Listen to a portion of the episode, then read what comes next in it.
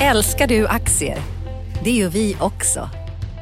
Sea Worldwide Asset Management är en av Nordens största oberoende aktiva aktieförvaltare och har samlad kunskap sedan 1986.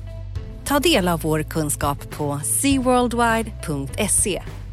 Bokstaven C, worldwide.se.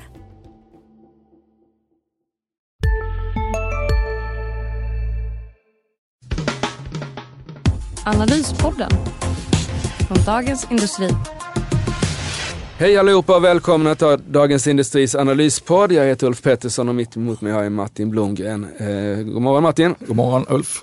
Hallå, vad ska vi prata om? Det har hänt mycket den här veckan också tycker jag. Det har hänt mycket varje dag. Det är som ett uh, happy meal som aldrig tar slut. Det är liksom en nugget om dagen i, när man kommer hit på morgonen. Ja, eller kanske som en julkalender som man öppnar liksom lite luckor hela tiden. Precis. Mm. Inte bara fina presenter i alla luckor. Nej, precis.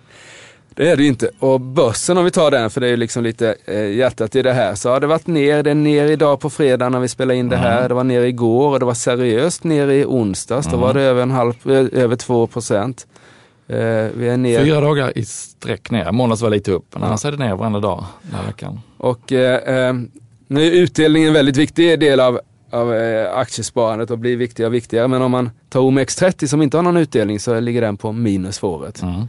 Men med utdelningar och ett bredare index så är vi fortfarande upp lite grann. Mm. Så börsen ska vi prata om. Och lite bolag också. Har du ja, det har kommit massor med nyheter. Det är ju Electrolux, affären som gick i stöpet och det är Fingerprint. Just det. Megahåsen kring det och eh, Skistar. Just det. kom ett litet köp i Alperna på morgonen här.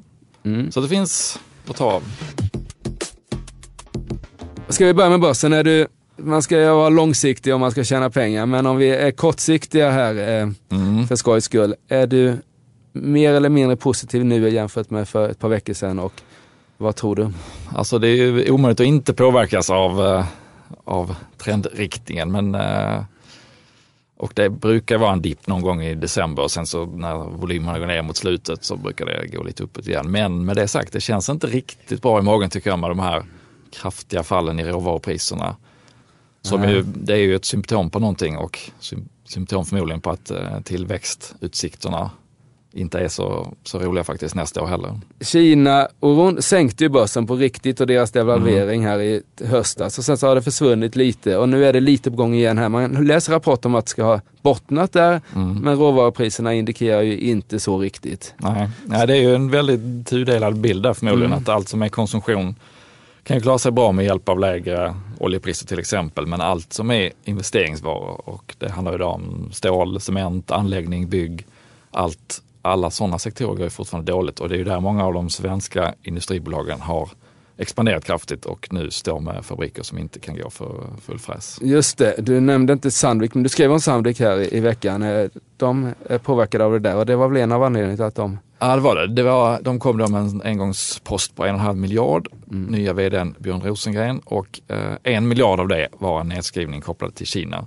Mm. Och de säger å ena sidan då att det inte beror på att det gått sämre just under fjärde kvartalet men att, att eh, överlag går, går sämre mm. än vad man trodde tidigare. Och eh, en miljard i nedskrivning är ju rätt så rejält. Och, eh, det, det tyder ju på att man inte ser någon snabb vändning på på kinesiska marknaden. Och det var inte bara ett affärsområde utan det var i flera. Så det är en ganska bred industriell eh, tradig konjunktur helt enkelt ja. i Kina.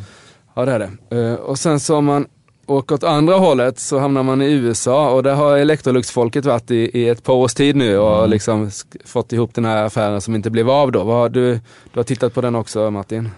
Ja det är ett jättebakslag för framförallt Keith McLaughlin, vdn då. De presenterade affären i september förra året. Och det är då alltså GEs vitvarudivision som de vill köpa. Mm. Och den passar så utmärkt in mellan deras befintliga varumärken. Frigidaire som är för massmarknaden, Electrolux som ska vara deras premiumvarumärke. Och så kommer då GEs vitvaror in i mitten och så har de hela eh, paletten klar. Så att det, var, det tycker jag inte är konstigt att de gick för den affären om den, för den kommer inte ut i spel en sån uh, pjäs vartenda år direkt. Nej. Så att det var väl rätt, men det är ju bara att konstatera att man har missbedömt oddsen för att den skulle gå igenom när ja. uh, konkurrensmyndigheterna ja. Ja, det har de. Eh, nu är inte jag jätteinsatt i det där, men det känns som att i alla sådana här stora affärer så har man då massvis av konsulter, banker och advokater och andra. Och de driver på för att få göra affären. Mm. Alltså, och då är det svårt liksom när det inte är någon som liksom, jo men det här går och vi kanske får sälja lite grann, säger advokaterna och, och bankerna liksom har väl inte misskött, för de fick ju i alla fall ett avtal på plats och sen så att det inte gick igenom i konkurrensmyndigheten var ju en annan sak. Då. Mm. Men de här advokaterna borde ju sagt att ja, det här blir svårt liksom. Mm. Men, och sen så skriva på då en sån här eh, klausul att man ska betala en och en halv miljard om det misslyckas. Det känns ju... Ja, det är väldigt, väldigt stora kostnader. Det är Ja. då den här breakup fin på 175 miljoner dollar, Mm. ungefär en och en halv miljard. Och sen har de ju lagt naturligtvis 400-500 miljoner tror jag att de eh, redovisade på liksom, löpande kostnader och då vet jag inte hur mycket man räknar in folk som har liksom, suttit och förberett som inte kanske är, är egentligen med i processen på hur man ska få ihop det här. Så att det är enorma kostnader och det var ju Keith McLaughlins stora affär så att eh, det, det talar väl för att han inte blir kvar så länge. Nej, det känns, luften måste ju gått ur honom också förstås. Mm. Det var ju liksom den, den affären han ville göra och har liksom hållit på med egentligen. Han har väl varit vd där, vad är det, fyra år eller något sånt där nu? Eller? Ja, lite längre tror jag det. Ja, fem. Ja, nej men att Electrolux under Q1 som det heter får en ny vd eller Q2 det är ju inte, det, det är inte orimligt. Nej, det är väl två, två intressanta frågor på kort sikt. Det är ju dels så länge Keith McLaughlin blir kvar Mm. och sen tycker jag att det blir väldigt spännande att se vad GE gör. Därför att man ska komma ihåg att de- det var GE som avbröt affären Ja. innan, eh, innan den här domstolsprocessen var klar. Ja. Så fort de hade chansen att bryta den enligt avtalet så drog de sig ur. Och det kan man väl anta att de inte gör utan att ha en eh, plan B som är ganska eh, attraktiv. Så att möjligtvis har de ju redan fått eh, lite indika, indikativa bud visst. från LG eller Samsung. De och Ja, det, precis. det är ju precis vad Electrolux inte skulle vilja ha. En, en eh, mopsig asiat som ska prispressa sig in på mellansegmentet. Ja, som dessutom liksom, där det är core business nu för då har det G visat att, att de ville sälja det här. Nej det tror jag inte. Och det är ganska underligt det här att, men det är klart man förstår ju G att få en en och en halv miljard av en konkurrent sådär, det är ju Mm. Det är bra och kan man dessutom sälja den en gång till så är det ännu bättre. Ja. Och priserna har ju sannolikt inte gått ner med tanke på eh, börsuppgången och den starka dollarn och Mm. sådär. Så det, Ja, och vitvarumarknaden i USA har ju gått, gått Ja. bra i år. ja, och, så eh, man förstår att, att G var ganska snabba på att utnyttja det där läget. ja. Och vad man inte förstår är ju att Electrolux gav dem bollen till att Mm. kunna säga upp då och få betalt så att säga. Ändå är det lite märkligt tycker jag, för det, det var inte länge kvar tills det här domstolsbeslutet skulle komma. Nej. Så att, eh, de gör ju inte det här utan att ha, eh, ha tänkt, tänkt igenom det ordentligt. Så det blir väldigt spännande att se vad Nej, det kan, har för... det kan ha blivit eh, dub, Yes. dub, dubbelmiss för Electrolux där. Mm. Det kostade pengar och försvårade deras framtid. Mm, och släpper in, precis, släpper Ja. in en, eh, en oönskad konkurrent i. Men det finns fler som ska köpa bolag här. Eh, Skistar, eh, eh, fjällanläggningsföretaget, ska ner i Alperna igen. Så är det. Jag intervjuade deras vd Mats Åres för mindre än en månad sedan och överraskades lite av hur, hur öppen eller sugen han var på att ändå berätta om att de var öppna för att ta sig an en ny anläggning Ja. och att den förmodligen inte skulle ligga i Skandinavien. Ja. Eh, Och det tog inte många veckor innan, innan de hittade det här som de presenterade på fredag morgon. Då. Sankt Johann i Tyrolen. ja, det har jag aldrig varit. Nej, inte jag heller.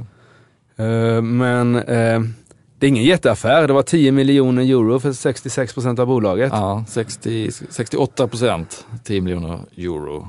Ja. Så att, nej, det är väl inget jätteområde de köper då, men eh, ska man gissa så vill de då göra ett eh, litet Sälen av det kanske, där man kanske lockar in skidåkare som inte är eh, proffs utan snarare familjer som vill ha en, eh, en välskött anläggning snarare än det högsta berget i Alperna. Just det, det är inte så mycket off-ski där utan det kanske är, är plant och fint i backarna. Nej, jag tror att de kommer att spela på det de är duktiga på. Det är ju att, att liksom vara service-minded Ja. och ha en, en eh, välskött anläggning. Just det.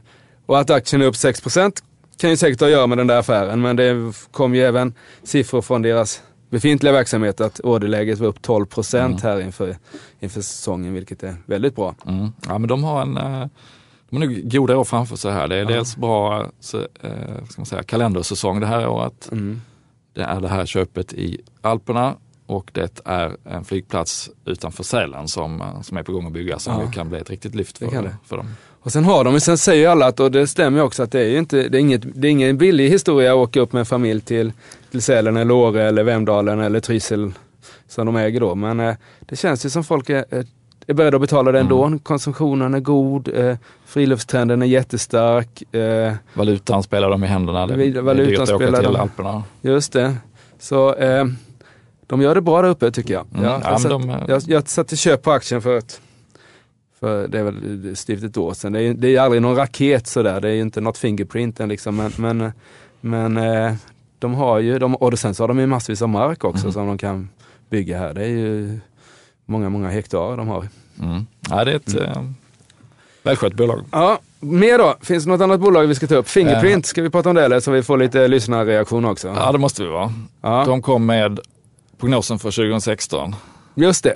Det var ju känt då, eh, eller det var inte känt, men det var känt att de skulle komma med prognosen, eh, vilket de gjorde lite tidigare än väntat till och med, eh, på förmiddagen istället för lunchtid. Och sen kom de även med rörelsemarginals prognos och en marknadsandelsprognos på Sista dagarna nu på vårens stora season sale. Passa på att göra sommarfint hemma, både inne och ute. Och fynda till fantastiska priser. Måndagen den 6 maj avslutar vi med Kvällsöppet i 21. Välkommen till Mio. CSRD.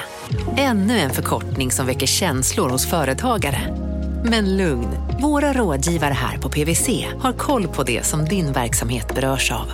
Från hållbarhetslösningar och nya regelverk till affärsutveckling och ansvarsfulla AI-strategier. Välkommen till PWC mobiler med biometri. Så det var, de gav lite mer till marknaden än vad man hade trott här, Mm. vilket är jättebra för det gör det, det ger en viss stadga till liksom analysen ändå. Och, eh, så det ska de ha en stor eloge för. Eh, aktien följer lite på det där eh, Mm. och det var ju den här Carnegie-analysen som, som sänkte den en del och sen så Ja, kom det är lite fascinerande att det är en firma som, eh, som viftar Ja. med, med pinnen. Ja, jag, jag har hört från folket på marknaden här att, och jag har sagt det i podden någon gång och jag skrev om det i tidningen idag också att, att det är ingen riktigt som har liksom velat sätta sitt namn under en analys på, dels har man väl varit genuint osäker, vad är det här Ja. liksom som går 16 gånger på ett år och som liksom handlas mer än någon aktie någon gång har handlats på Stockholmsbörsen. Eh, I stort sett, ja, Ericsson kanske under 2000 och sådär men, men annars, ja, och man vet inte riktigt heller. Och, och, så man har varit liksom blivit tagen på sängen och inte vågat sätta ner foten där. Men nu kommer det ju, nu kommer de in i OMX30, nu måste man ha bevakning. Mm. Bankerna, vad jag hör, har liksom pekat på den som ska göra det och arbetet är igång. Storbankerna har träffat eh, eh, Fingerprint Card vet jag. Eh, och eh, det jag hör, utan att ha kommit in till någon analys än, är att, eh, ska vi säga, förhandsbeskeden är negativa i stort sett överallt. Och anledningen till att de är negativa det är att man tittar på eh, 2016 är det toppåret. Man, man är lite orolig för att, för att det är liksom det som är toppåret och Mm. inte 2022. Eh, och jag kan väl hålla med där. Eh, även om det är osäkert. De har gjort det jättebra. De har ju visat att de har stark teknik och sådär. Men, men det är klart att det går så hyggligt snabbt i den här sektorn. Mm. Så nästa generations biometri, det är inte säkert att det liksom är, är eh, Fingerprint som, som är Nej, det är ju de, såklart de långsiktiga, långsiktiga intäkterna och hur eh, marginal och prispress ser ut på några års sikt som, som avgör. Ja, som avgör. Och det där, men det kommer bli, nu kommer det liksom göras stora analyser av dem och eh, det skulle bli kul att se vad de där är. Det finns ju, och ja, de har ju en väldigt hängiven skara aktieägare, eh, Fingerprint. Så, så fort man säger något så, får, så droppar det in grejer i, i mejlen här. Men det är inte så att man inte vill att det ska gå bra för dem. Det är ju jättebra för Sverige om vi äntligen, de har ju ändå anställt ett par hundra pers här och de kommer väl anställa många fler nästa år och sådär. Så det är bra och det är bra att vi liksom ligger i framtid, framkant i ett teknikintensivt område sådär. Men, men tillväxten man får ju skilja på bolag och aktier här Ja, också. ja. Det är ändå en värdering som är sex gånger omsättningen och det, är inte, det krävs ganska mycket då. Det krävs att det liksom varar ett tag och inte ett par år för att det där ska gå att räkna hem. Mm. Det är, börsvärdet är ungefär 40 40 Miljarder. miljarder, backat lite nu väl, men Ja, och, som en kul jämförelse, kommer ni ihåg att de fick ett bud, fejkat bud från Samsung för två år sedan? just det. Kommer ni ihåg vad det låg på? Eh, det låg kanske på 4 ja. miljarder. Så Det var väl tur att det var fejkat då. Det var synd för Samsung att de inte köpte det. Mm. Det var ju Samsung som pekades ut som i det här bluff, bluffbudet. Får vi se. Eh, jättespännande. Det finns ett kartbolag i USA som, som de här som är lite negativa brukar jämföra med, som var liksom pionjär inom karttjänst som Nokia då eh, håller på mycket med. Som blev utköpta för en bråkdel av vad det var värt Mm. eh, som mest då, eh, för ett antal år sedan. Så visst, en jättespännande aktie. Och man kan väl äga den om man är en riskvillig person, men det är ju för, för fraktioner av, börs, av portföljen då om man nu gillar det där. Jag skulle då däremot inte köpa utan jag tror racet har gått, men vi får se. Det är ju stort råvarufokus som vi var inne på. Ja. Oljan gick under 40 dollar fatet, både VTI och Brentoljan den här veckan. Järnmalmspriset gick under 40 dollar tonnet Mm. och tittar man på de här lite längre kurvorna över eh, Bloombergs eh, råvaruindex Mm. så ser ju kurvan väldigt eh, brant ut neråt. Ja. Så att det är, eh, det är väl eh, oro för att det här är ett symptom på tillväxten som jag var inne på. Att, Ja. att nästa år kommer inte heller bli någon rolig organisk tillväxt för tillverkande bolag. Nej, och det där är alltså råvaror. Jag kommer ihåg, jag började väl med det här 94-95, det var liksom då Avesta på, på börsen och sånt där. Då fick man lära sig, det där behöver du inte lära dig för det där kommer gå, gå under liksom. Och det kan ju vara så att vi har haft, tittar man på liksom långa trender, säg 60-70 års trender, så har man 5-7 år av jättetillväxt som vi hade då liksom när Kina byggdes. Och annars är den långsiktiga trenden på råvarupriser neråt av eh, eh, ja, att, att man liksom blir bättre på att plocka upp det och mer effektiv sådär. Så det är liksom, eh, men vi får väl se här. Eh, Men det, det är ju, drabbar ju LKAB, det är ju inte kul liksom med ett järnmalm under Nej. 40. Alltså, Stefan Löfven har ju tillräckligt med problem, nu får han problem. Det blir inte mycket stålar från, eh, från Kiruna in i statsbudgeten här nästa år. Nej, och det ja, är ju en risk att det blir själv, eh, självuppfyllande. Att låga priser håller tillbaka investeringarna med sin tur gör att underleverantörerna blir försiktiga Ja. och sen så är hela eh, förloppet igång. Ja. Och att våga investera då, då måste man ju ha antingen väldigt mycket pengar eller väldigt stort tålamod och helst både och. Ja, Och eh, ja, är man inte den högsta på ett företag så har man kanske inte de, det modet att, Nej. att ta beslut. nej, nej, så det är och oljan också. Det är ju det är, det är inte mycket förändringar i liksom efterfrågan och utbud men det blir väldigt stora rörelser Mm. ändå på det här. Eh, Nu var det ju OPEC-mötet här att de inte skar ner utan att de liksom behöll det och sen så att de producerar mer än vad de säger också OPEC. Mm. De, de har liksom ett mål men alla överskrider det där lite grann. Så det där är en kartell som inte riktigt funkar. Nej, det funkar inte längre. Och så vet Nej. man att Iran är på väg att In ja. att in och att eh, skifferproducenterna i USA är mer effektiva än vad man trodde. Så att de, Ja, de har inte krossats av, av Nej, här nej de, har inte, de har inte gjort det än och det var ju liksom Saudiarabiens eh, mål med att, att produ- fortsätta producera. Det var att Mm. sänka amerikansk eh, inhemsk produktion. Men det har inte skett riktigt. Ska vi sammanfatta här? Du Martin börjar bli lite, lite du säger att december är oftast en bra börs och det är inte liksom sällsynt att vi får en liten svacka just nu men sen så när handeln lugnar ner sig så kommer börskurserna stiga som det brukar vara. Och så kan det bli i år också men du är inte riktigt stensäker på det. Nej, och tittar man lite längre fram så är jag inte jätteoptimistisk. Utan det, nej, det Det känns som- inte riktigt bra. Nej. Det är som Göran Persson sa, det kommer sju goda och sju dåliga år. Eh, nu har vi haft sju, sju bra år på börsen här egentligen sedan 08, 09. Uh, nej, jag är också lite, lite skeptisk. Det är lite svårt att se vad som ska riktigt få fräs på det här när vinsttillväxten blir låg.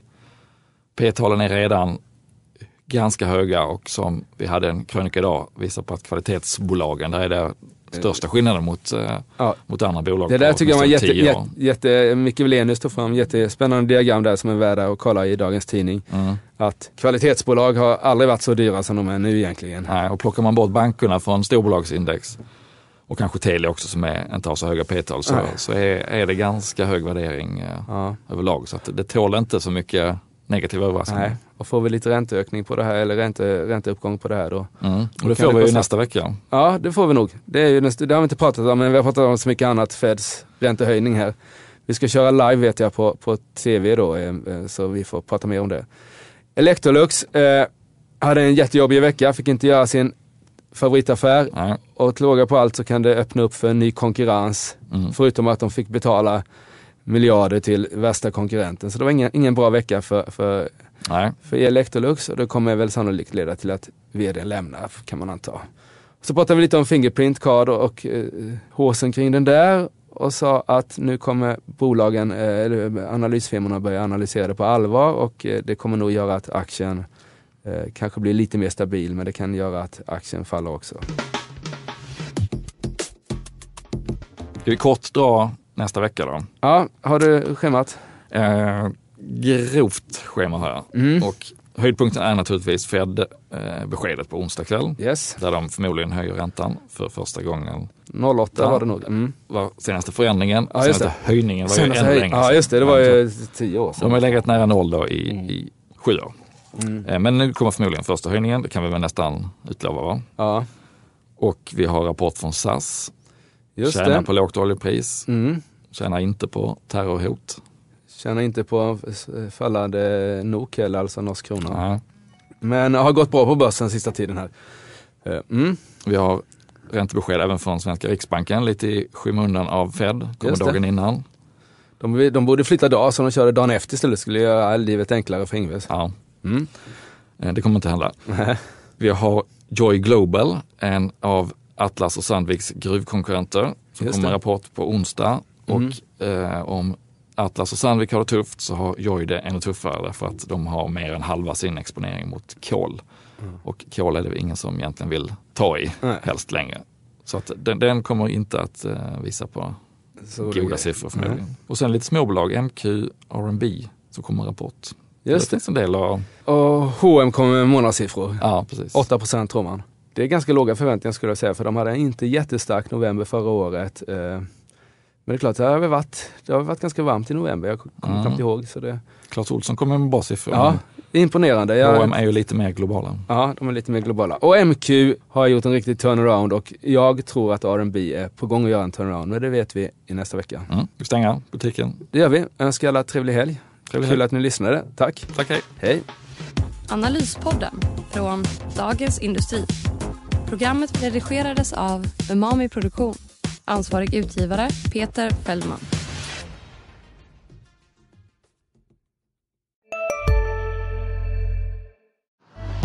Älskar du aktier?